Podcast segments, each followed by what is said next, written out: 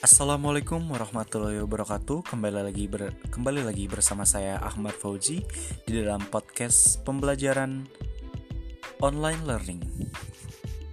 Dalam episode kali ini kita memasuki episode mengenai hukum tata negara.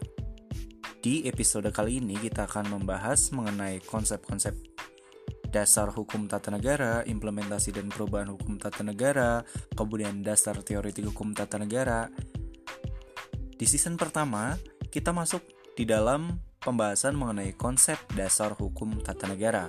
Nah, mempelajari hukum tata negara secara keseluruhan dan mendalam perlu diawali dengan menguasai sejumlah konsep dasar.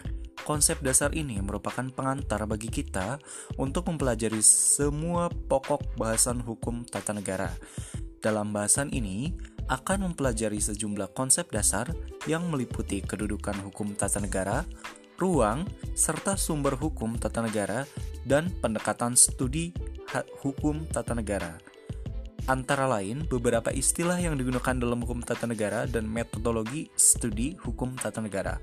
Merumuskan pengertian hukum tata negara berdasarkan definisi yang dikemukakan para ahli tata negara, sumber hukum tata negara, dan metode studi hukum tata negara.